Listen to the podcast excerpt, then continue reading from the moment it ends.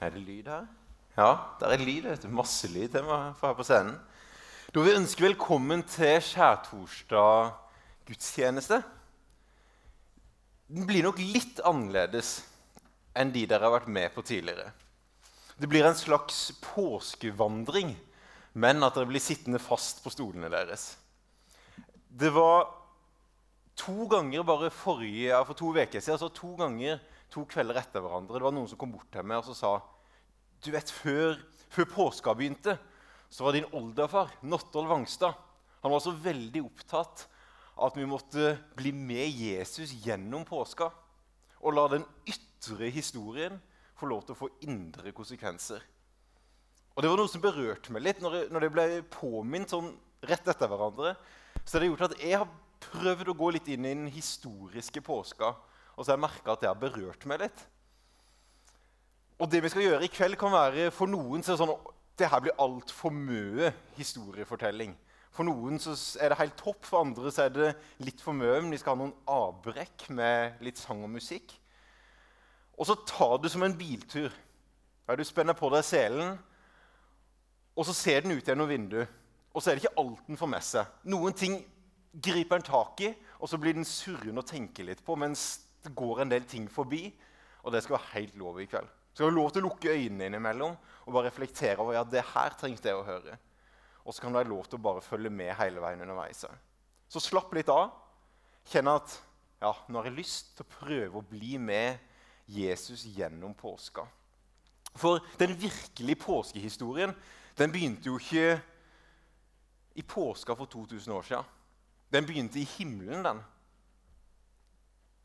det vi egentlig er med å utforske, er Skriftenes Messias. Han som ble foruttenkt lenge før denne verdenshistorien ble lagt.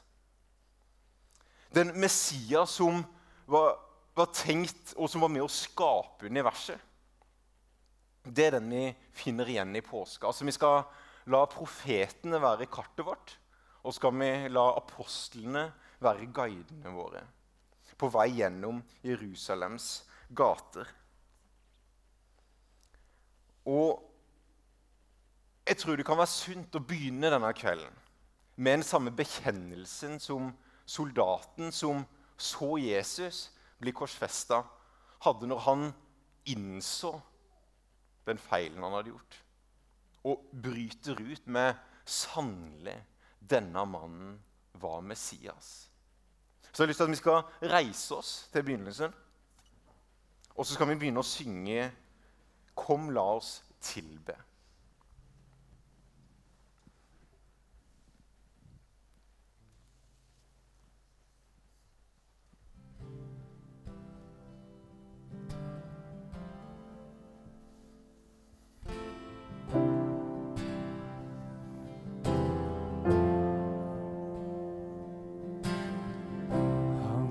Sitt eget liv. Han satte fanget fri i ensomhet tok vårt parti.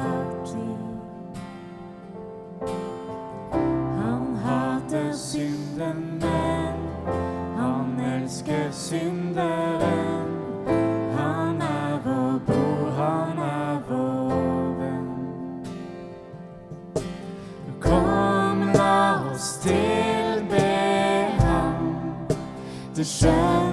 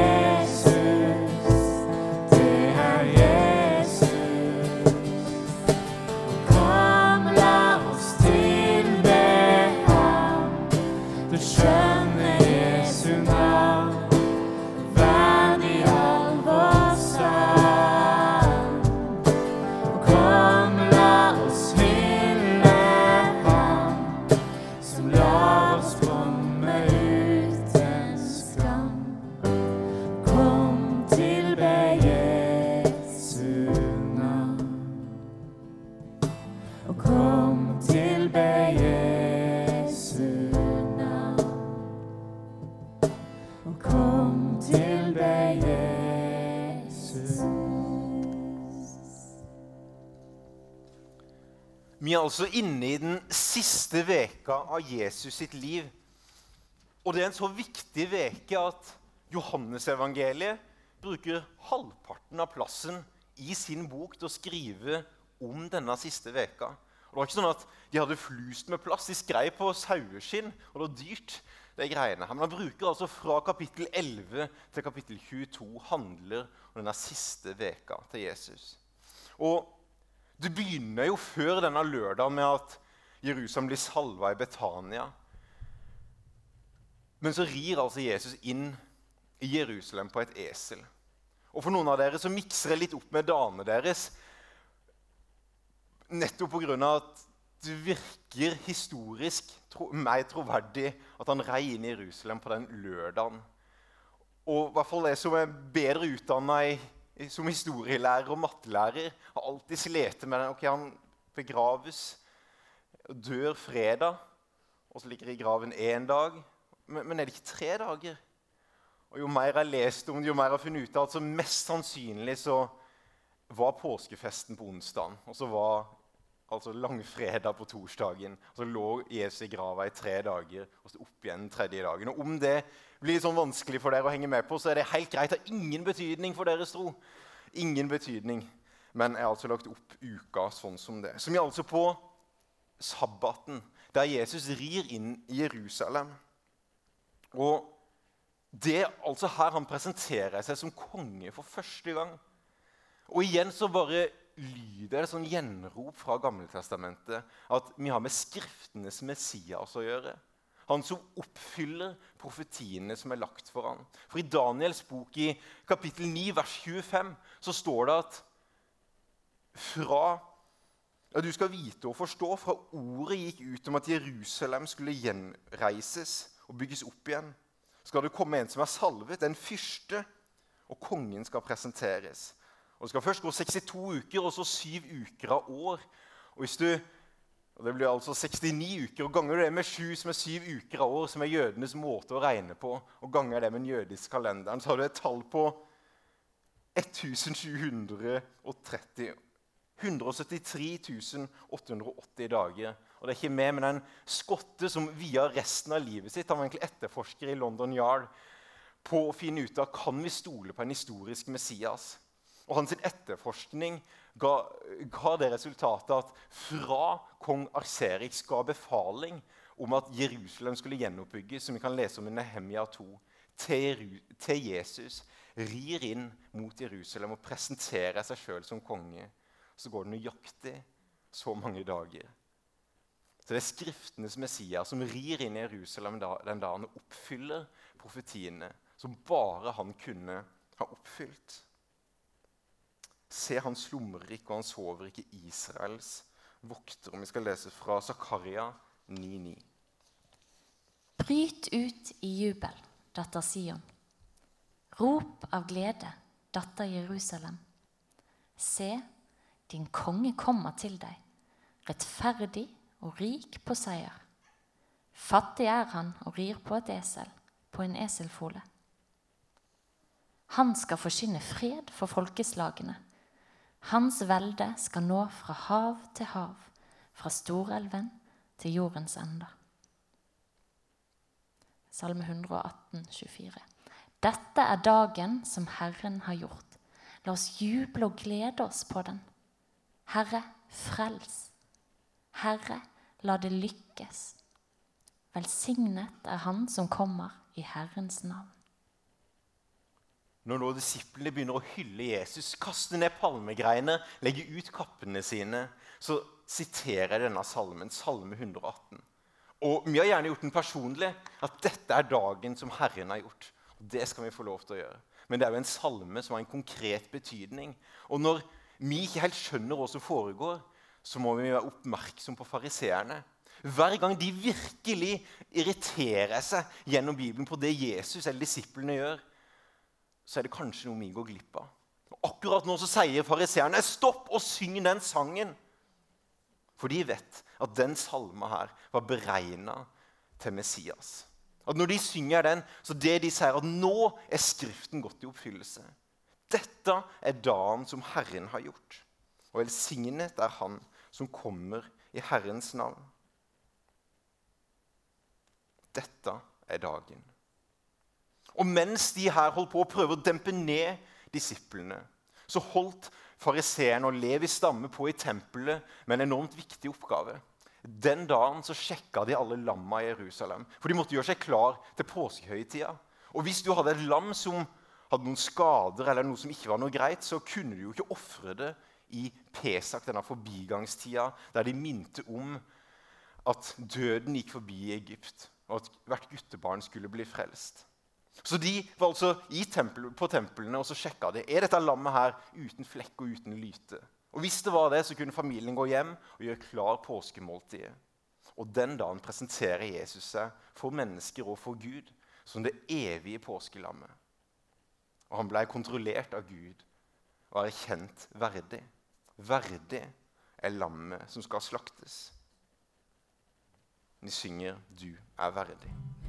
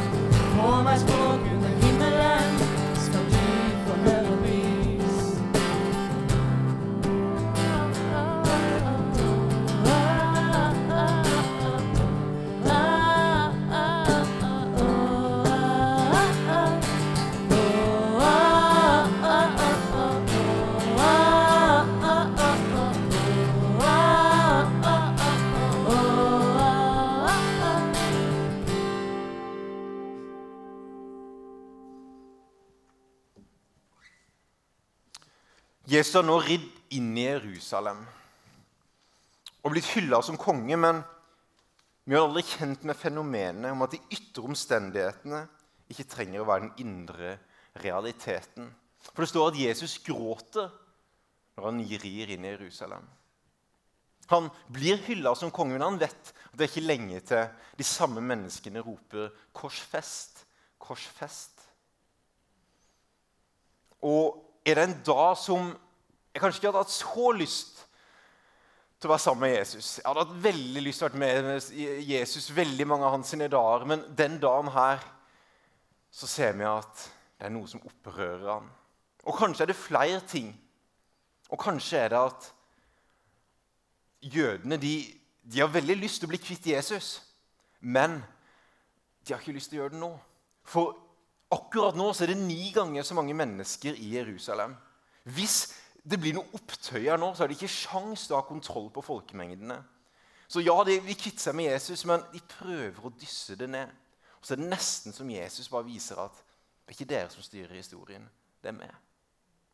Så det første han gjør, er at han, han forbanner et fikentre som ikke er i vekst engang, og det dør.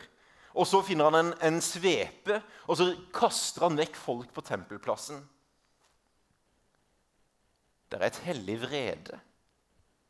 Og akkurat det her er noe som sitter litt i mitt hjerte òg med Oi, men, men, men, hva er det som er, er tempelet nå, da? Er ikke det oss? Er det ikke vi som er hans tempel, der vi møter en nådig Gud? Men vi møter òg en Gud som hater synd. Og så kommer spørsmålet har vi lyst til å rydde tempelet vårt. Eller må noen andre rydde tempelet vårt? Og Den dagen her er det mye som skjer absolutt at han fremprovoserer noe. Men det er jo ikke folka som styrer historien. Det er Jesus.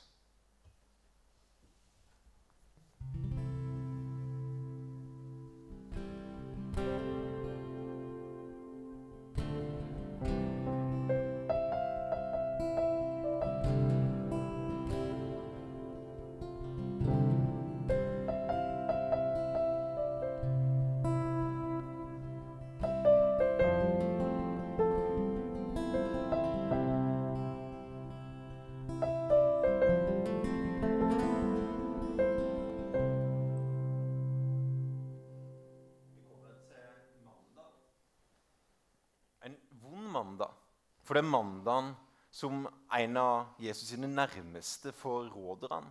Han tar det siste steget, går til øversteprestene og selger vennen sin for 30 sølvpenger igjen, sånn at Skriften skal bli oppfylt. Mandagen vet vi ikke så veld... nei, Tirsdagen vet vi ikke så veldig mye om. Det står ingenting om den dagen. Men mest sannsynlig, som vi kjenner Jesus, så trekker han seg tilbake før han skulle noe stort. Og etter han hadde gjort noe stort, så var han som regel sammen med pappaen sin i bønn. Så kanskje var det det Jesus gjorde denne dagen. Og så kommer vi til onsdag, eller skjærtorsdag. Og Den dagen her begynner tidlig. For jødene så var den dagen her ikke så veldig ulik julaften. Det var veldig masse mennesker i Jerusalem den dagen. Og alle måtte jo ha en plass å feire. Så akkurat som når jeg og Else bodde i Oslo, så fikk jo mange, Hvis vi var i Oslo helt inntil julaften, så spør de gjerne ja, hvor skal dere feire Hvor skal dere feire jul. Og Det samme spørsmålet raste nok rundt i hodet på disiplene, for de hadde jo ikke noe sted å feire. Men så gir Jesus denne koda beskjeden til Johannes og Peter. Nå skal dere gå ut og skal dere finne en mann som bærer på en krukke. Og, og, det er godt at han sier 'en mann som bærer på en krukke'. For skulle du lett etter en kvinne som bærte på en krukke den dagen, da alt skulle forberedes, hadde det vært tusenvis av de i Jerusalem. Men der de var øst i Jerusalem, så var det et essenertempel. Og i det essenertempelet så var det bare menn. Og da var det òg menn som gikk og henta vann. Og dette var en slags eh, trosfornyingsbevegelse i Jerusalem på den tida. Mest sannsynlig de av menneskene som Johannes døperen var sammen med. Og mest sannsynlig den som de nå møter på med en krukke. Og så spør de hvor er det mesteren, eller hvor er det det skal bli gjort i stand for oss? Og så viser han det en plass i en øvre sal. Og der bruker nok Peter og Johannes hele den dagen på å gjøre i stand påskemåltidet.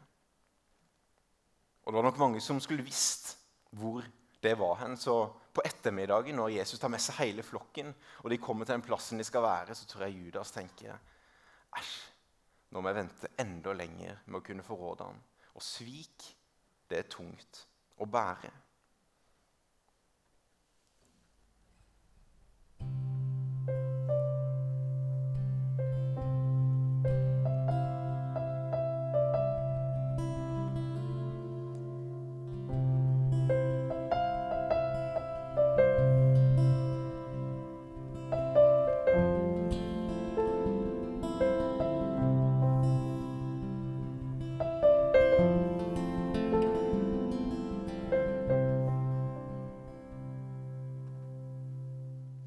Disiplene har gleda seg lenge til det måltidet her, men på vei opp så begynner det en debatt. Og Den debatten har de jo hatt før. og det Hvor skal vi sitte hen? Hvem skal sitte nærmest Jesus? Den debatten var jo tidligere. Hvem skal sitte nærmest Jesus i hans rike? På hans høyre og hans venstre hånd? Og Jeg tror Jesus er litt lei av den debatten. Forrige gang de krangla om de her tingene, her, så bare løfta han opp et, et lite barn. Nesten bare for å si gutter, dere må passe dere. For i det hele tatt komme inn i dette riket. For dette er et annerledes rike. Det å bli som et barn som er inngangen til dette riket her. Men så fortsetter de å krangle, og, og vi har vel kanskje fortsatt denne kranglinga, vi som hans disipler. Vi har jo ikke lært. Vi krangler fortsatt om hvem som har det rette synet, hvem som har mest status, hvem som er mest hellig, og ikke menighet som har mest rett. På, under dette måltidet så peker kildene på at Judas satt med Jesus venstre hånd, og Johannes satt med Jesus høyre hånd. Og Dette var veldig fint for de, men for Peter Han hadde jo stelt i stand hele dagen. Han Han satt så langt unna at det virket som at han må prate gjennom Johannes for å kunne prate med Jesus. Jeg tror ikke han var så fornøyd med sin plassering. og Ofte er kanskje ikke vi heller så fornøyd med vår plass i livet. Med statusen vi har fått, med ferdighetene vi har fått, med utseendet vi har fått. Er det dette her jeg får etter å ha tjent det så lenge, etter å ha strevd så mye? Er det her jeg blir plassert etter å ha trofast hele livet? Du er et misjonærpar som kom inn med båten til New York på, i 30-tallet. Og Samtidig med de på denne båten så var jo den amerikanske presidenten. Og de hadde vært og tjent Gud trofast i Afrika i 30 år. Mens presidenten hadde vært på jaktferie i India. Og Presidenten ble møtt med masse masse oppstyr og media og folk som spilte for dem, mens misjonærparet gikk ubemerka hen og måtte finne en plass de kunne få overnatta så billig som mulig. Og Mens de går ut av dette skipet, så greier ikke denne ektemannen å holde seg. Han bryter ut til kona. Det her er så urettferdig. Jeg har tjent Gud trofast alle de åra mens presidenten har vært og skutt noen freda dyr i India. Og så irettesetter kona han med å si den setningen Vi er ikke hjemme ennå.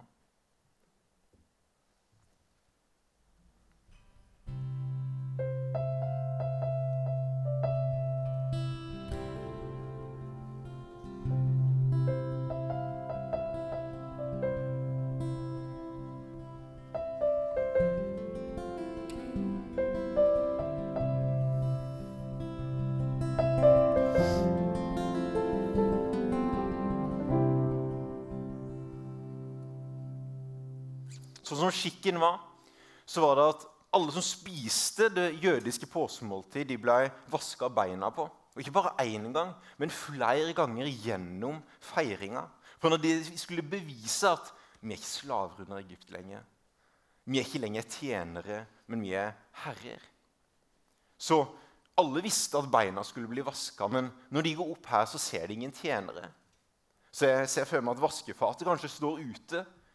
De lurer litt på hvem er det som skal gjøre det? Og Den ene etter den andre steger over vaskefatet. Det, ja, hvis ikke Andreas gjør det, så gjør i hvert fall ikke jeg det. Hvis ikke Peter gjør det, så går, går vel jeg jo forbi. Og hvis jeg og Marie fikk en oppgave av mamma når vi var litt mindre Og vi begynte Ja, men kan ikke Marie gjøre det? Og så kan ikke Knut Olav gjøre det? Og jeg husker en gang der mamma sa ja, men da kan jeg bare gjøre det sjøl. Og denne følelsen av å, jeg skulle bare gjort det.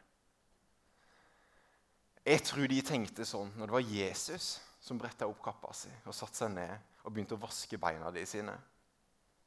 Åh, hadde jeg ikke bare gjort det sjøl? Det er noen ganger der det er lov å angre.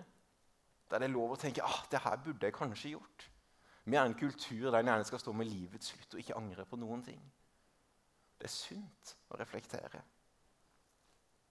Og kanskje var det det her Paulus tenkte på når han skrev til filipperne.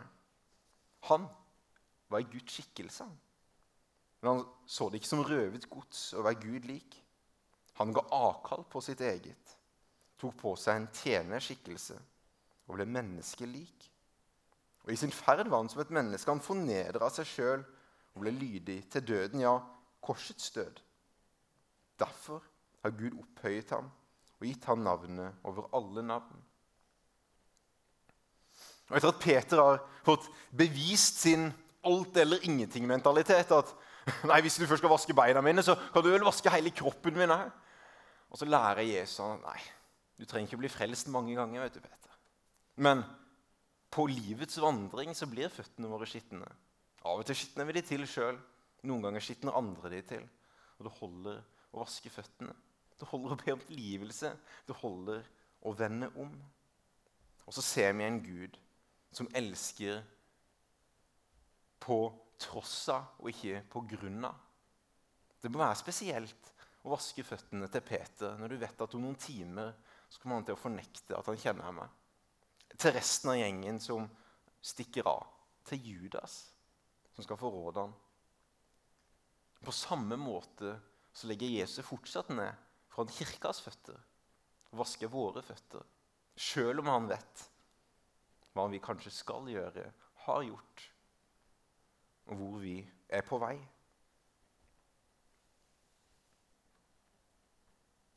Etter at han nå har brutt brødet og begynt måltid, så slipper han denne her bomba. Det er noen som skal forråde meg. Og det, Akkurat der så syns jeg disiplene er vise. For når de stiller det spørsmålet 'Det er vel ikke meg?'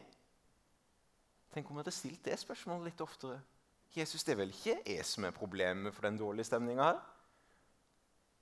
Men de stiller også det spørsmålet, og så hvisker de litt rundt bordet. Og så gir brød, Jesus brød til Judas. Og så går han ut i natta og gjør det han skal.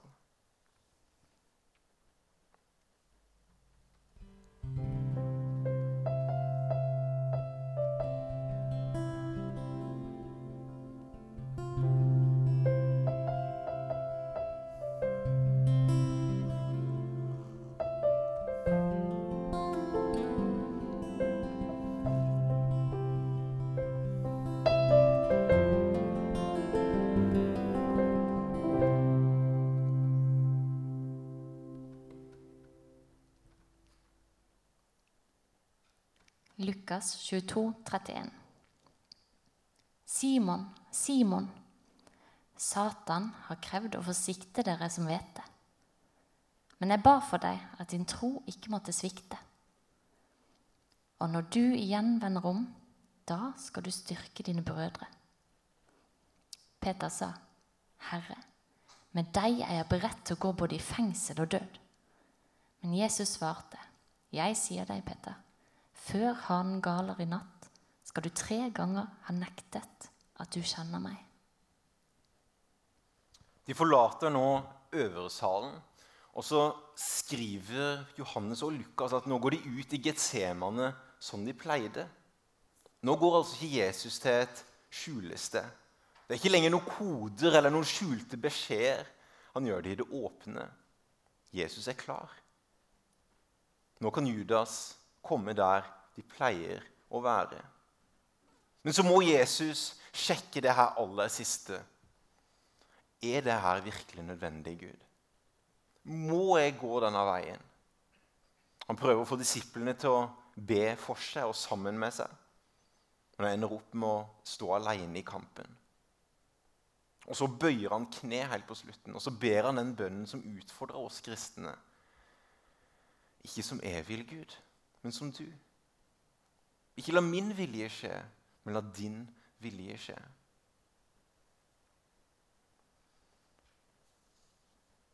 Og det er ikke lenge etter at han har bedt denne bønnen, og han går tilbake og snakker sammen med disiplene, så kommer det en gjeng med soldater. En kohort, står det. Det var et ord som ingen kunne før koronapandemien. Men en romersk kohort. Det er ikke som våre kohorter. Det var en, en romersk hær på mellom 400 og 600 soldater. Så kan vi jo tenke, Her står det elleve skjelvende mannfolk og Jesus uten noe særlig med våpen. Overdrev de litt? Men, men, de visste jo, ryktene hadde jo gått foran Jesus. En mann som vekker opp de døde, helbreder syke. Og Jesus sier jo sjøl at 'jeg kunne bare gitt befaling', og så skal det komme en engle her og utslette det her. Men igjen, det var ikke de som styrte historien.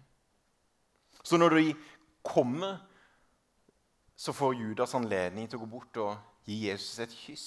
Og det virker som at det er ekstra vondt for Jesus. Og så et kyss, da. Og så griper de Jesus. Og så ser vi denne mannen Denne mannen Peter som, som, har tydeligvis et sverd på seg. da. Men han er jo en fisker, han er ikke noen soldat. han. Så han griper etter sverdet og bommer sikkert på det som skulle vært halsen til Malkus, øversteprestens sønn.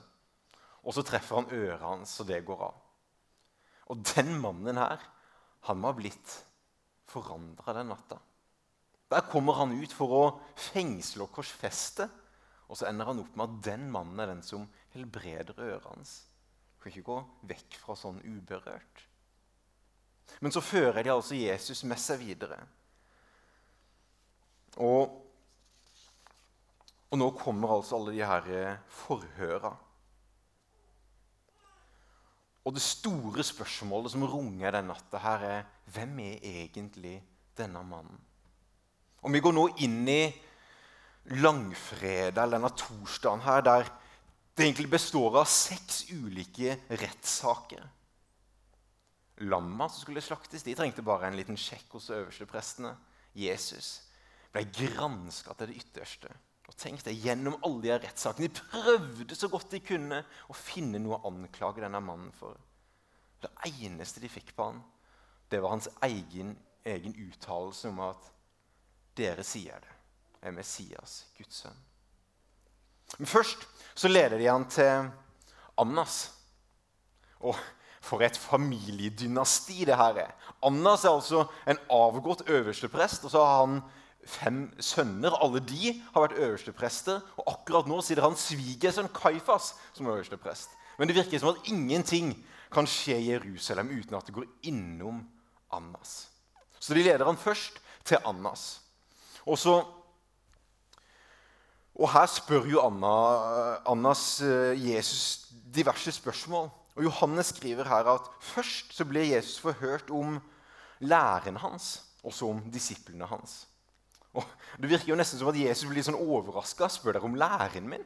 Akkurat som at jeg har holdt det her skjult eller talt i mørket. Har dere ikke hørt podkastene? De ligger åpent på Internett.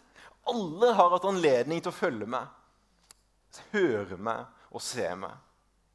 Og Når Jesus svarer på denne måten, så får jeg et slag i ansiktet. Og de slagene blir det flere av. Og Så spør de han om disiplene. Og jeg tenker jeg har Jesus. Hva sier du om disiplene dine? De som nå akkurat har forlatt deg. De som har forrådt deg, som skal fornekte deg. Så står det der at om disiplene sine svarte ikke Jesus et eneste ord. Er ikke det flott? Han har aldri utlevert sine nærmeste. Og I dette familiedynastiet så er det ikke langt til Kaifas. Det er bare ned i annen etasje. Og så treffer de Kaifas, øverstepresten. Og, og her er det veldig mye som skjer. De prøver å få fram ulike vitner. Han, ja, han har sagt han skal rive ned tempelet på tre dager. Men det var ikke det han sa. Det var min kropp som skal rives ned tre dager. Og så er det ulike vitner som kommer, men ingenting er samstemt. Og det virker som at jødene blir litt stressa, for det her kan jo falle i fisk hvis ikke de finner noen ting, noen klare ting de kan dømme ham på. Og da reiser Kaifas seg og så sier han, 'Jesus, er du Messias, Guds sønn?' Og så sier Jesus at 'du har sagt det', og fra nå av skal du se han sitte på sin himmelske fars trone. Tenk Kaifas, øverstepresten, han som hver dag synger om Messias som skulle komme. At han ikke så Jesus. I stedet så flengner han kappa seg, for det var det han måtte gjøre når noen spotta Gud. Og Det var bare med å flegne kappa si at noen kunne dømmes. Men de hadde et problem, for de ville gjerne dømme men de hadde ikke lov til å gjennomføre dommen, for de var jo under romersk okkupasjon. Så Jesus må videre. Og mellom de her rettssalene så får vi et lite innglimt, i at mens Jesus går fra den ene plassen til den andre, så møter han et blikk. Og det er jo Peter, det. Og Vi tenker jo gjerne at Peter er den største feigingen av de alle. Men hvor er resten av disiplene, da? De er jo ikke der engang. Han har i hvert fall nærma seg. Så han står her og varmer seg. Og Der får han jo noen spørsmål. Og, nei, nei, jeg kjenner ikke den mannen. Og så, nei, men dialekta røper det. Og så finner han fram noen gloser som han ikke har brukt på mange år. Han banner på at han ikke kjenner Jesus. Og så virker det som at i det samme han gjør det, så hører han hanen gale. Han blir minnet på den setningen om at 'jeg ber for deg, Peter' for at du ikke skal falle fra. Og da ser vi Jesus gå forbi fra den ene rettssalen til den andre rettssaken. Og Så møter han blikket til Peter. Og vi hører jo det blir sagt at blikk kan drepe. Jeg tror ikke det blikket der drepte. Jeg tror det var et gjenopprettende blikk. Og jeg tenker, Hvor hadde vi vært hvis ikke vi hadde møtt det blikket? Jeg tror ikke vi hadde sittet her i kveld. Det blikket som viser at 'jeg tilgir deg'. Og igjen så hører vi en parallell fra det Gud spør Kain om. Etter at Kain er harm på sin bror Abel pga. han hadde et bedre offer, så, gir, så sier Gud til Kain, 'Hvorfor er du så harm? Og hvorfor ser du ned?' Hvis du vil gjøre det gode, så kan du se opp. Men hvis du ikke vil gjøre det gode, så ligger synden klar ved døren. Den ønsker makt over deg, men du skal herske over den. Gud har gitt oss autoritet til å herske over synden, men vi har et valg. Ser vi opp og møter Jesus sitt blikk, eller ser vi ned? Og Når vi ser ned, så får synden makt over oss. Når vi ser opp, så møter vi nåde. Og vi møter Han som har makt over synd. Det er ikke pga. at vi blir sterkere, men pga. Han kommer oss til hjelp i vår svakhet. Vi møter et blikk. Og en dag så skal vi bøye kne for herrenes herre og kongenes konge og møte hans sitt blikk. Spørsmålet er om vi bøyer kne nå, eller om vi bøyer kne da og gjør det i frykt. Vi reiser oss, og så synger vi 'Bøy kne'.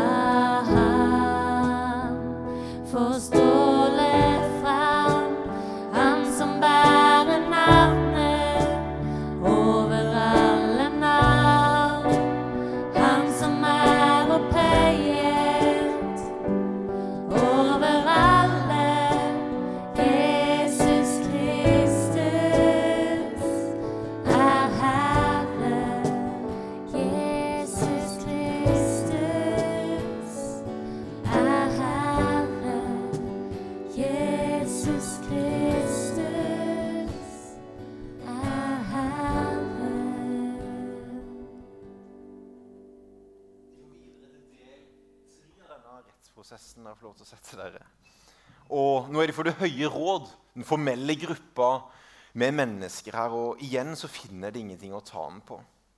Det eneste er dette hans egne vitneutsagnene. At han er Guds sønn. Og tenk det, de snur hver eneste stein. De har sett Jesus, og de finner ingenting å ta ham på. Verdig er lammet som slaktes. Og Så er vi inne på den mer formelle delen av rettsprosessen. De tre siste delene er romerne. For når de har nå felt en dom at han har drevet med blasfemi, men de kunne ikke dømme noen. Så Derfor viser de han videre til Pilatus. Og hos Pilatus så kunne de altså få en dom. Og så er det nesten ironisk, det som skjer nå. For nå har, de, nå har jo de har øverstepresten de har løyet og slått, og de har gått utenfor mange av sine lover. Det er, sånn, det er ikke lov til å dømme noen på natta. Det er ikke lov til å ha en dom og, og felle den innenfor samme døgn. Du kan ikke ha en rettssak hvis du drikker mer enn ett glass med vin. Og det har alle mannfolk i Jerusalem gjort den kvelden. Da er det fire glass med vin i den jødiske øh, høytiden. Så er det bare lov etter lov som de har brutt. Men så kommer de til Pilatus og sier de at de må sette seg på utsida, så ikke de blir urene. Dette er grov. Grovt hykleri. Men Pilatus han, han trenger å få velvilje hos folket, så han, han setter seg på utsida. Og denne mannen han har stor erfaring med å dømme rettssaker, men det virker som han med en gang skjønner at denne mannen her er jo uskyldig. Og, men så prøver de seg. Nå bruker de et godt kort her. De sier at han prøver å utslette den romerske freden. Derfor må du dømme ham. Han har nå skapt opptøyer helt fra Galilea og hele veien ned til Jerusalem. Og Det virker som Pilatus bare puster letta ut. Galilea, ja. ja. Men vi har jo besøk for tida av Herodes. Han har ansvar for, for, det området der, så han kan ta seg av det. Og De hadde visst en dårlig relasjon, de to. Så det virker som at ja, hvis jeg gir han videre til Herodes, kanskje de tenker at nå kan vi begynne å samarbeide litt. Så han gir altså dommen videre til Herodes, og Jesus forflytter seg til sin fjerde rettsprosess. Og Dette er ikke hvilken som helst Herodes, det er Herodes Antipas. Altså sønn av Herodes den store, som drepte alle guttebarna når Jesus ble født. Dette er Herodes Antipas som noen måneder tidligere har fått servert, Johannes, nei, servert hodet til Johannes på et sølvfat. Og denne mannen her elsker sirkus. Så han gleder seg nå. Han kan vi ikke se noe mirakel i Jesus? Og Så kommer Jesus til Herodes Antipas. Og så står det at han svarer ikke ett ord. Herodes prøver sikkert å hause opp stemninga, få, få provosert han til noe. Han prøver å ha det gøy med å flette en tonekrone, sette den på hodet hans, gi han et septer, en kappe. Han svarer ikke et ord. Det hjelper jo ikke å være der oppe. Så han, går, han blir sendt videre til Pilatus. For Herodes skjønner at han får ikke høre stemmen, han som har kutta av røsten. Og tilbake til Pilatus, så har jo allerede kona vært og informert Pilatus. Ikke ha noe med denne mannen å gjøre. Jeg har drømt så vondt om denne mannen her i natt. For all del, ikke skitne deg til her. Og jeg tror han skjønner igjen at det her har jeg ikke lyst til å ha noe med å gjøre. Men igjen må han flytte denne tunge stolen sin på utsida av palasset, så ikke jødene for all del blir urene. Sånn at de kan fortsette å ha påskehøytida når de kommer tilbake igjen. Og så tenker han jeg greier jo ikke å få overbevist de av jødene her. Så han tenker kanskje det er noe med en lidenhet hos dem. Så han dømmer Jesus til pisking. Og ikke den, romers, nei, den jødiske form for pisking, pisking, som var 39 slag med lærreimer. Nei, til romersk pisking. Der de hadde metallgjenstander på enden av de her piskene. Og der det var opp til butleren eller folkemengden å avgjøre når nok var nok. Vi leser fra salmene at plogmennene har pløyd min rygg. Men det hjelper ikke. Når Pilatus får se Jesus etterpå, så virker det som at det nesten er et ukjent menneske som står der. Han sier bare 'Se det mennesket'. Kan dere gjøre noe med ham? Og når de skjønner at de sliter med å få Paulus til å dømme ham til døden, så trekker de opp sitt beste kort. Om du ikke dømmer denne mannen, så er du ikke keiserens venn. Og da er det en linje for Pilatus. Han kan prøve å støtte Jesus så langt, men ikke lenger.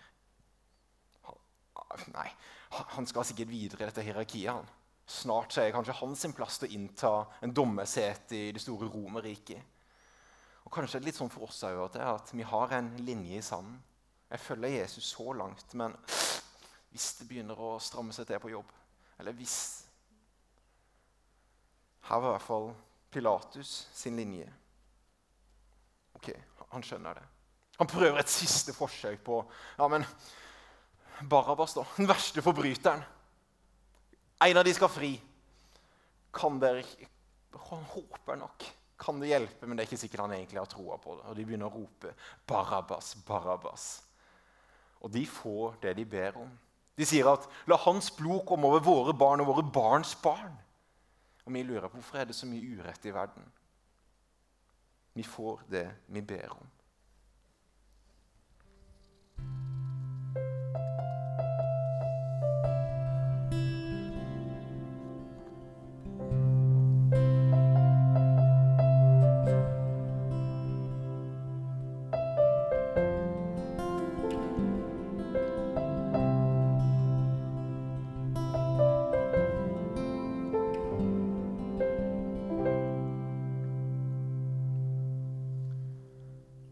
Pilatus står nå og vasker hendene sine. Prøver å tenke kan det her hjelpe meg? Men synd kan ikke vaskes med såpe og vann. Og han innser at nå er det gjort. Han dømmes til korsfestelse og må altså gå denne lange veien opp via Dolorosa. Og igjen så er det sånn ekko fra Gammeltestamentet. For det var en annen gutt som bærte det han skulle ofres på, på ryggen. De gikk nok fra to ulike destinasjoner, men de gikk til akkurat det samme fjellet. Til det som kalles hodeskallen, Golgata. Den ene var Isak, som bærte veden på ryggen. Der det var en far som fulgte veldig nøye med og hadde det veldig vondt mens han så sønnen bære offeret, det han skulle ofres på, opp til dette fjellet. Og jeg tror det var en pappa i himmelen som fulgte veldig nøye med på sønnen sin når han bærte sitt kors gjennom lidelsens vei via Dolorosa og opp på Golgata. Vi møter her en mann, Simon fra Kyrene. Vi vet ikke kildene, eller det som ikke er bibelske kilder, viser at Jesus kollapsa under vekta. At det var derfor Simon fra Kyrene greip inn. Men det vet vi ingenting om. Men Simon fra Kyrene begynner i å bære korset til Jesus. Og Mest sannsynlig er det den mannen vi treffer igjen seinere i apostlenes gjerninger. Simon med tilnavnet Neger. Så i dag bærer han korset på tvang. Men en dag så tar han opp sitt eget kors og bærer det frivillig. Vi kommer opp til Golgata. Og på veien opp dit så er det ingen av disiplene som følger etter ham. Men det er de kvinnene som har vært sammen med Jesus. De er med Jesus opp, og de er med Jesus gjennom lidelsene. Og Hadde ikke kanskje verden vært annerledes om ikke vi menn hadde undertrykt 50% av befolkninga gjennom så store deler av vår historie? Det virker som kvinnene stiller opp på en annen måte. Under korsets ni timer så deles de gjerne opp i to. De første seks timene som er i lyset, og de siste tre timene som er i mørket. Og Jesus sier ikke så mye de ni timene, men det han sier, må uttrykke noe av hans, det han ønsker å presentere av hans verdier der på korset. Og det første han sier, det er at han ber. Ikke for seg sjøl, men han ber for de som gjør vondt med ham. Han ber for fiendene sine. Tilgi dem, for de vet ikke hva de gjør. Det andre han sier, er ta vare på mammaen min. Ta vare på mine nærmeste.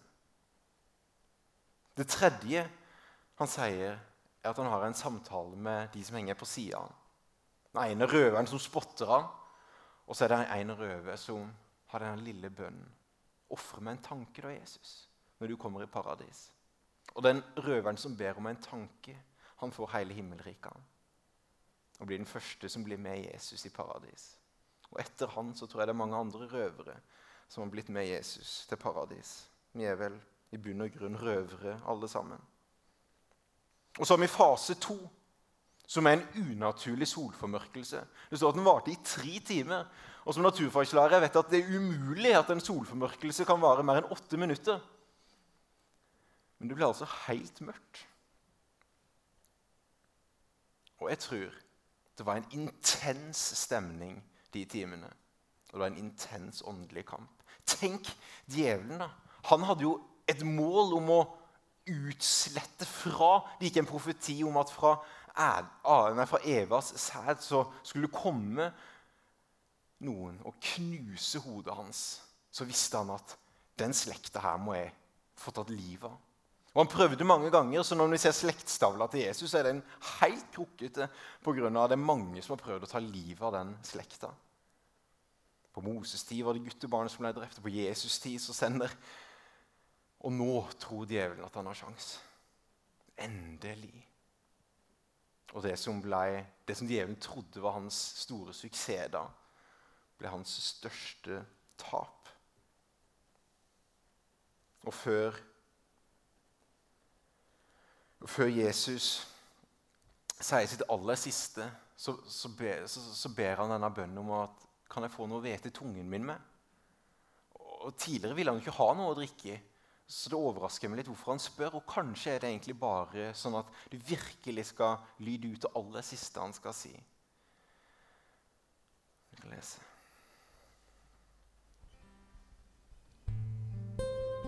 Min Gud, min Gud, hvorfor har du forlatt meg? Hvorfor er du så langt borte når jeg trenger hjelp og skriker ut min nød? Til deg satte fedrene sin lit. De stolte på deg, og du fridde dem ut. De ropte til deg og ble reddet.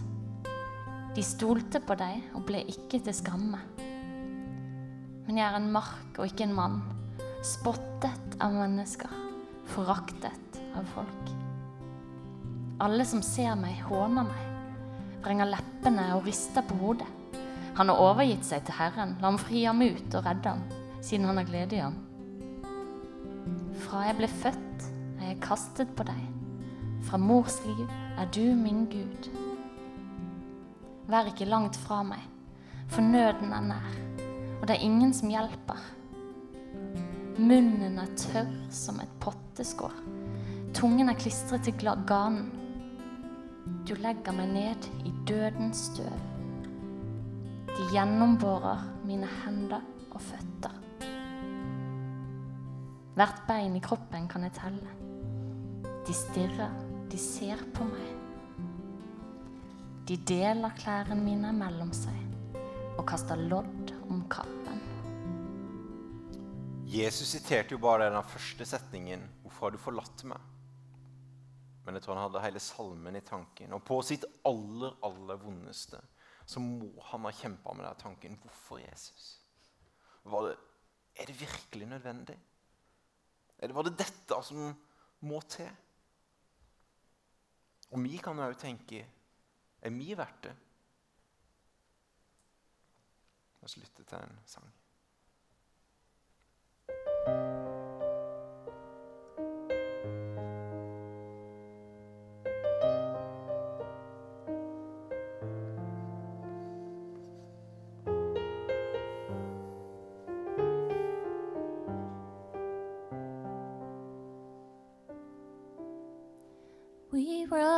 Town the other day.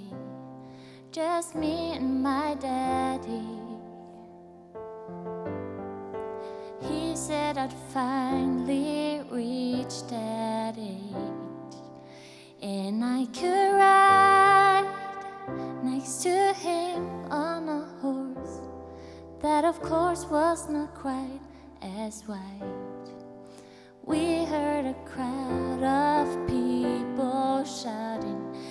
so we stopped to find out why. And there was that man that my dad said he loved, but today there was fear in his eyes. So I said, Daddy, why are they screaming? Why are the faces of some of them? Dressed in that bright purple robe? I'll bet that crown hurts him more than he shows. Daddy, please, can't you do something?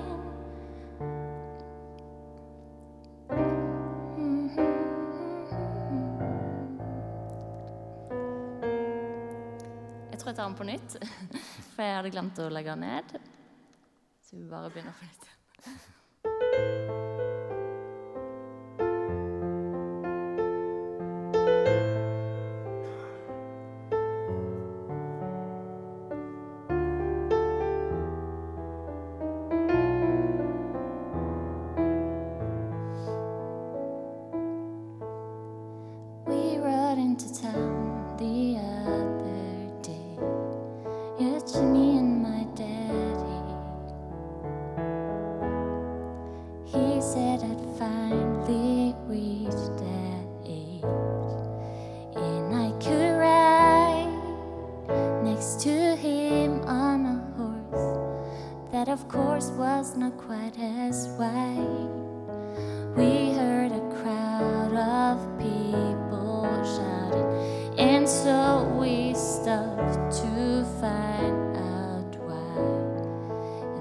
Was that man that my dad said he loved, but today there was fear in his eyes. So I said, Daddy, why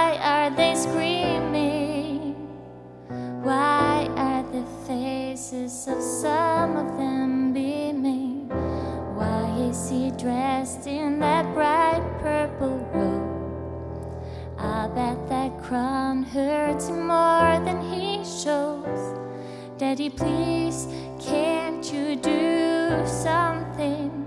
He looked as though he's gonna cry.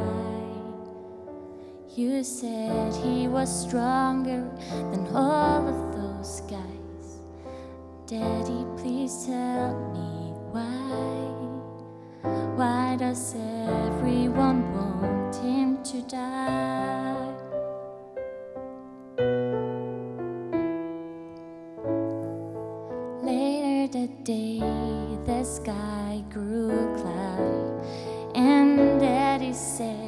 是够。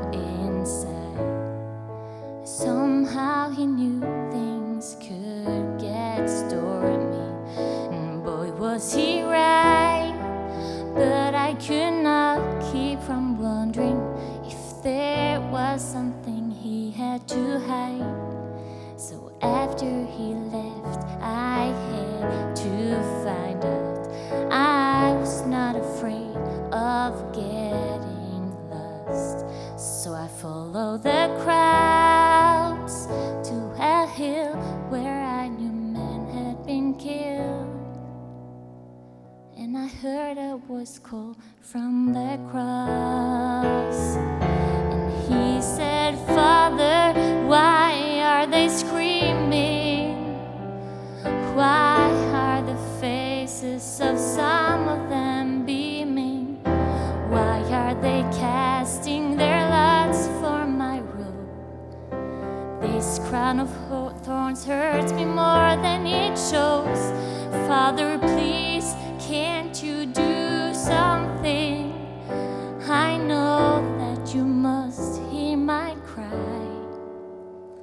I thought I could handle a cross of this size. Father, remind me why.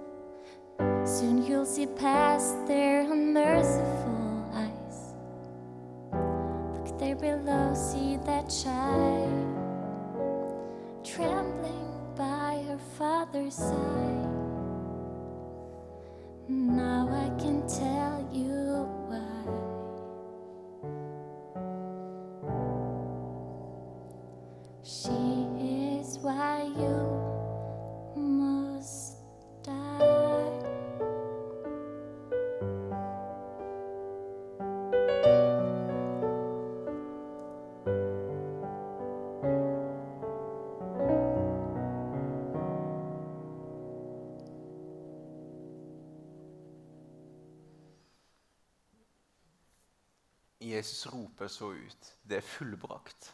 Det er ferdig. Og det ha vært en overraskelse i det åndelige at det her ble en festreise for noen og en tragedie for noen andre. Paulus skriver det sånn at gjeldsbrevet mot oss letta han. Og det som var skrevet med lovbrudd Han tok det bort fra oss da han nagla det til korset. Det var det som skjedde på korset. Han kledde makten og åndskreftene nakne og stilte de fram til spott og spe, så han kunne vise seg som seierherre over dem på korset. Korset var ikke en tragedie, det var en triumf. Og så kommer vi til de er dagene som Jesus er begrava. Fredagen og lørdag når han ligger i grava. Og Der trenger vi å stoppe opp, for Paulus bruker ganske mye tid på akkurat det her i sine brev. Det å være begravd med Kristus. Og Jens ønsker at den ytre historien kan påvirke vår indre historie. Og den dagen her var jo ikke Pilatus trodde jo kanskje at han hadde fått fri fra Jesus nå. Men rett etter det her så kommer jo de her hemmelige vennene til, til Jesus, Nikodemus og Josef, og spør om å gravlegge kroppen hans. Og så får de lov til det her. Og så blir han gravlagt i en grav til en rik mann. Og Rikmannsgraver ble bare brukt av ett menneske. og De hadde en stein foran seg som var gjerne normale var at den veide rundt sju tonn. For det skulle være så stor at ikke noen kunne gå ubemerka hen og stjele fra For det var gjerne at det var lagt litt ekstra rikdommer inn i noen av gravene. Så det var en stor stein. Og så har vi altså noen dager der Jesus er begravd. Jeg har lyst til å lese det som Paulus skriver om å være begravd i Romerne 6. Dette er oversatt fra The Message-utgaven. Det, er det, det er jo dette dåpen betyr. Når vi går under vannet, så begraves vi med Kristus. Og når vi blir tatt opp av vannet, så blir vi reist opp med Kristus. Kunne det vært mer klart? Det gamle mennesket ble nå naglet til korset. Du er ikke lenger slave til synd. Om du velger å dø med Kristus i en død som er lik hans, begravd med Kristus i en begravelse som er lik hans, skal du også få leve med Kristus. Du er da død for synd, men levende for Gud. Det er en åndelig realitet som skjer i denne begravelsestida til Jesus. Vi trenger òg å huske at det gamle mennesket vårt er begravd med Kristus. Vi blir frista, men da kan vi plassere fristelsen. Nei, nei. Det er det gamle mennesket du snakker til nå. Det er begravd. Nå er jeg en ny skapning. Jeg lever ikke lenger sjøl, men Kristus lever i meg. Oppstandelseskraften fra Han er den som er hvem jeg er nå. For dette er jo et paradoks. At noen må dette til bakken for å dø. Akkurat som såkornet, som Jesus bruker i veldig mange av sine lignelser. Det er jo først da det blir til noe nytt, når det detter til bakken og dør. Og så kan det vokse opp til å bli noe nytt. Det som fødes i smerte, er ofte sterke saker. De kristenliva som har vært gjennom en sorgprosess, en begravelse. At det faktisk er et før og et etter. At det her er ikke med lenger. Det er da han gjenoppreiser seg i kraft. Vi er altså døde for synd, men levende for Gud. Og det er ikke som det begravde trollet i eske som bare hopper framover til. Vi er ikke lenger slave under synd.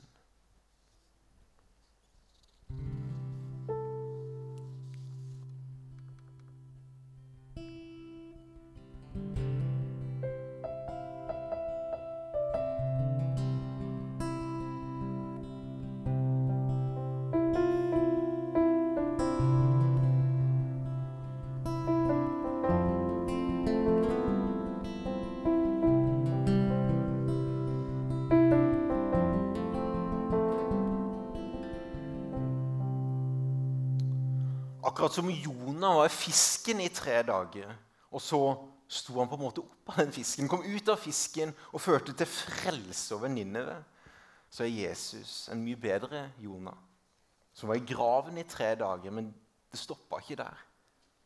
Hans oppstandelse skulle føre til frelse for alle som tror. Og denne oppstandelsen det var en, nok en spesiell tid, det her. Både for disiplene og for fariseerne. Disiplene hadde låst seg inne. De var nok livredde. Jeg tipper de begynte å spørre litt ja, men hvor mye penger har vi. Har vi råd til å gå tilbake til yrkene våre? Matteus, kanskje du kan være økonomiansvarlig på vår fiskebusiness? De hadde jo mista Messias. Jeg tror det meste av håp var ute hos de redde disiplene. Og det virker som at kanskje Peter var en helt annen vei for å jobbe med sorgen. Og det er sabbat den dagen.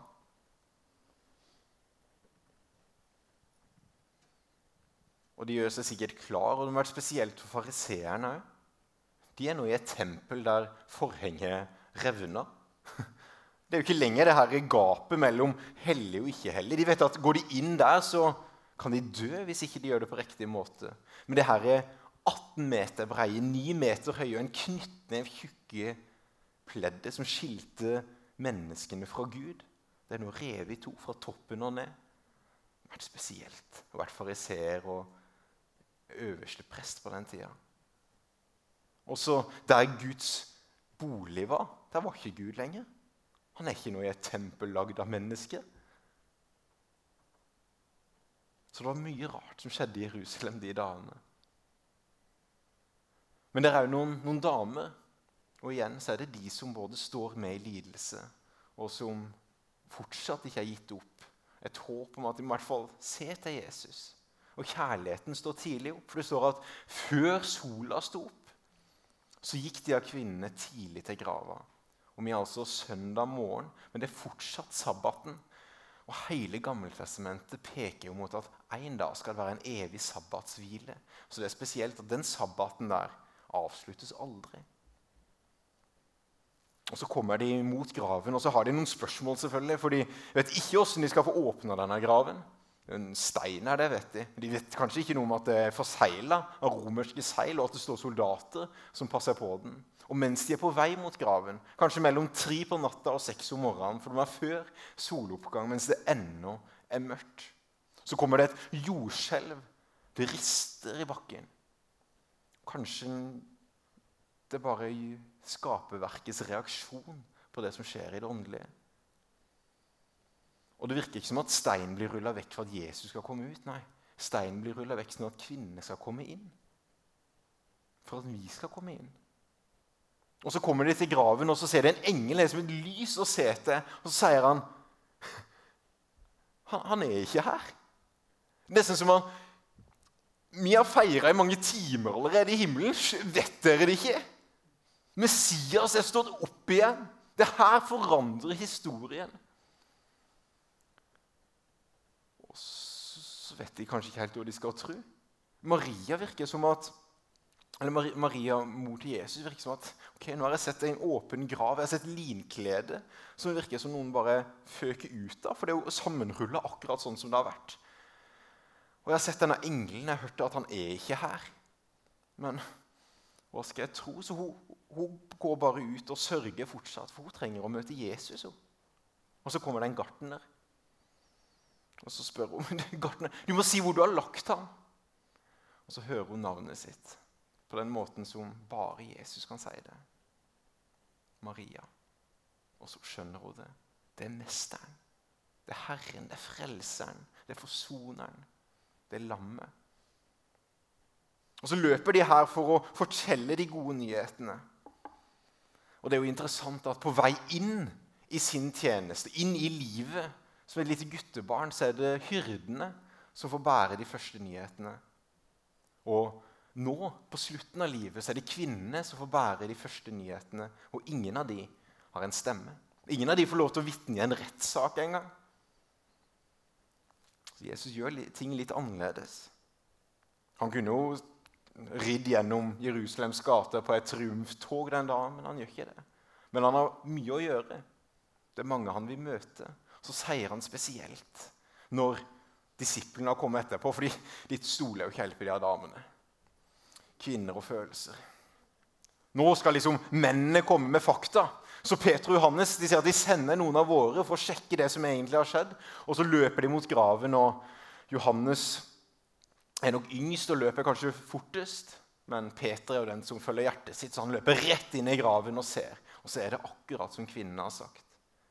Og den beskjeden de får da ja, her, eh, Det var ikke Peter. Eh, Johannes og Hva surrer jeg? Mm, jo, det var Peter. Ja. Um, sier at en beskjeden som, som, Maria får av denne som hun trodde var gartneren, var fortell Peter at det er stått opp. Tenk deg at Jesus på denne første dagen huska spesielt på han som han hadde bedt for, og som hadde svikta han. Husk på Peter, for han hadde kanskje ekstra vondt i dag. Og Så går de her ryktene, og så følger vi plutselig de her to mennene som er på vei mot Emmarus. To menn som har helt sikkert hørt ryktene fra de her damene, men det er bare forvirra dem.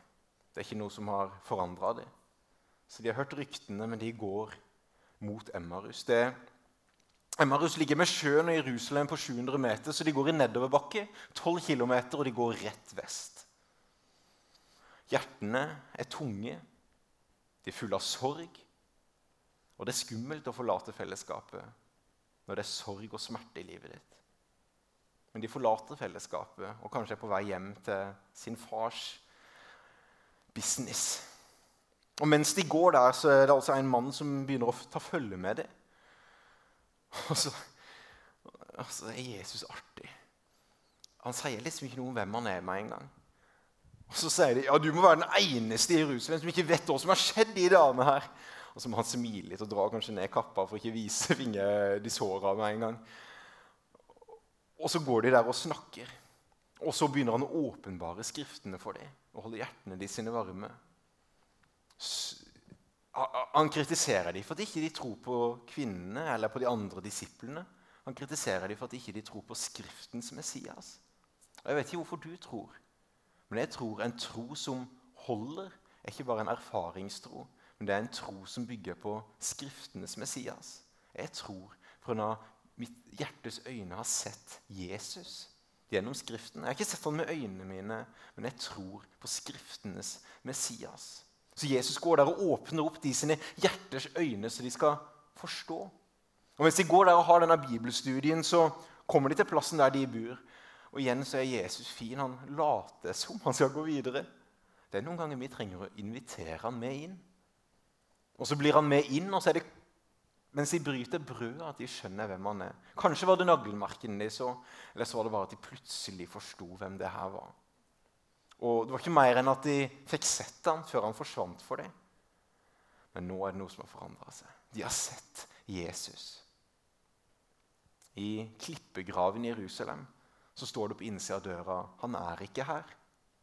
Men det blir jo ikke noe kirke av det. At vi skulle samles hver søndag, og han er ikke her. Han er nok stått opp, men vi vet ikke hvor han er.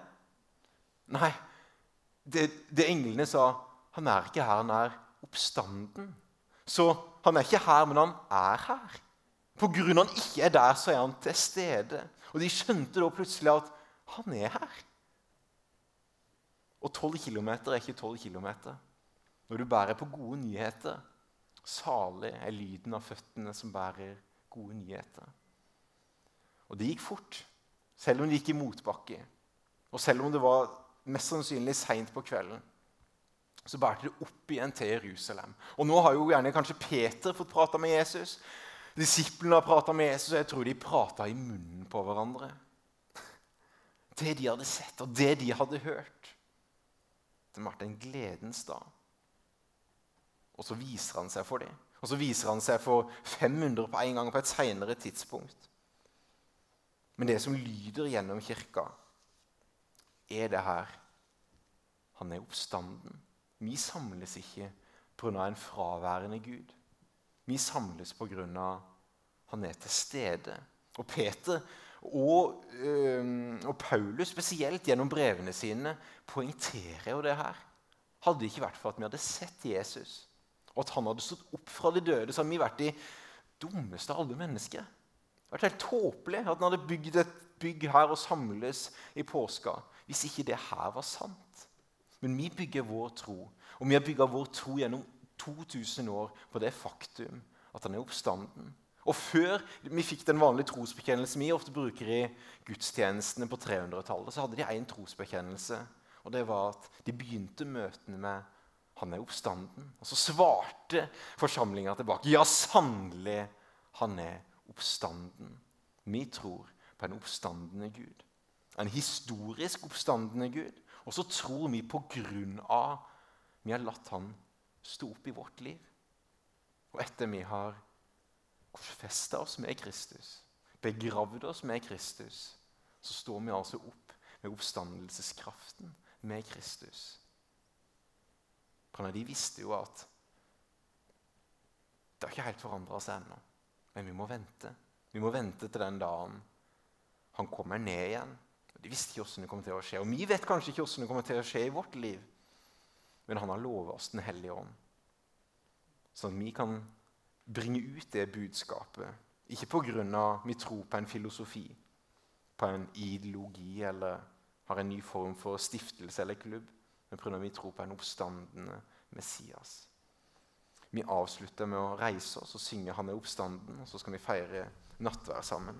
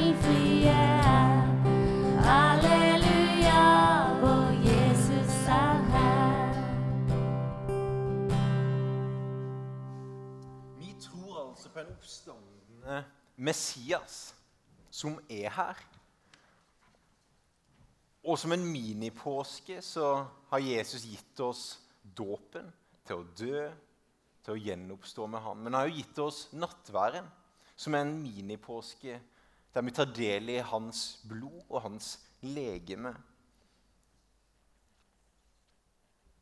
Sannelig, våre sykdommer tok han på Våre sykdommer tok han, våre smerter bar han. Vi tenkte han er rammet, slått av Gud og plaget.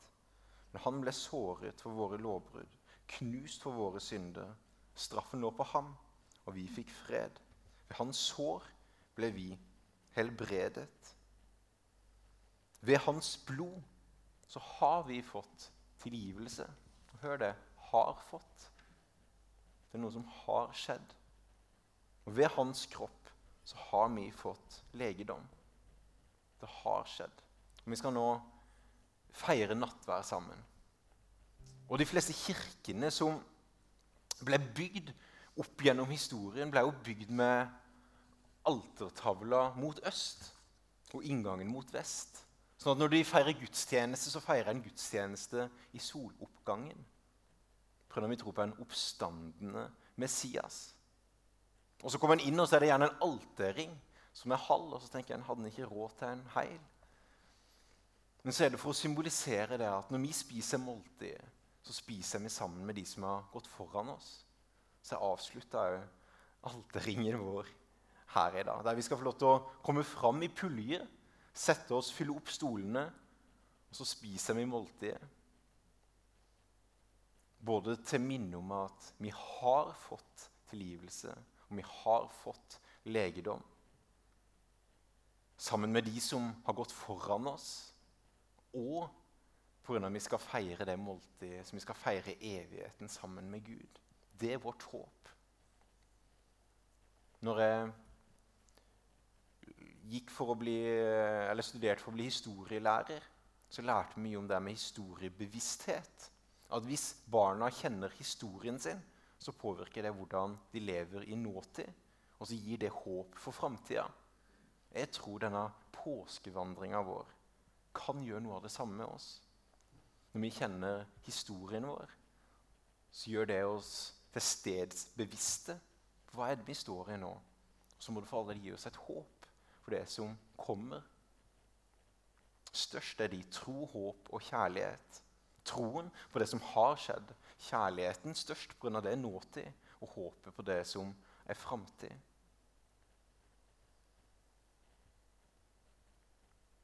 Tror ikke jeg trenger å lese innstiftelsesordet etter at vi har vært igjennom hele historien.